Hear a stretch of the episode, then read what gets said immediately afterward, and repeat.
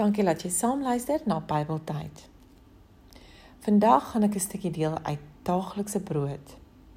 1 Samuel 1 vers 1 en 1 Samuel 2 vers 11. Ons fokusteksvers is 1 Samuel 1 vers 20. By die wisseling van die jaar was Hanna swanger.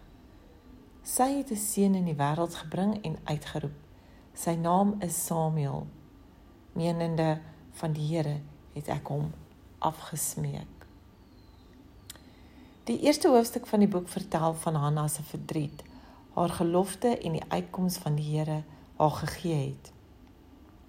Die titel Here Almagtig kom die eerste keer in die Bybel voor in 1 Samuel 1 vers 11 en dit in verband met die Here se vermoë om aan Hanna 'n kind te gee.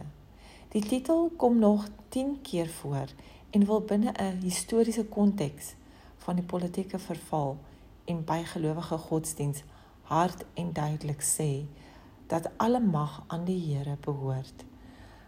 Elkana en Hanna aanbid dus die almagtige God by wie alles moontlik is en wie se almag nie net in die groot dinge sigbaar word nie, maar ook in individuele gelowiges se konkrete lewenssituasies.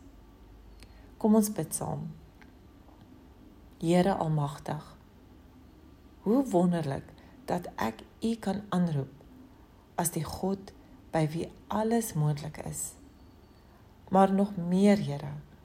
Dankie dat U op 'n persoonlike vlak met elke detail van my lewe bemoeienis maak.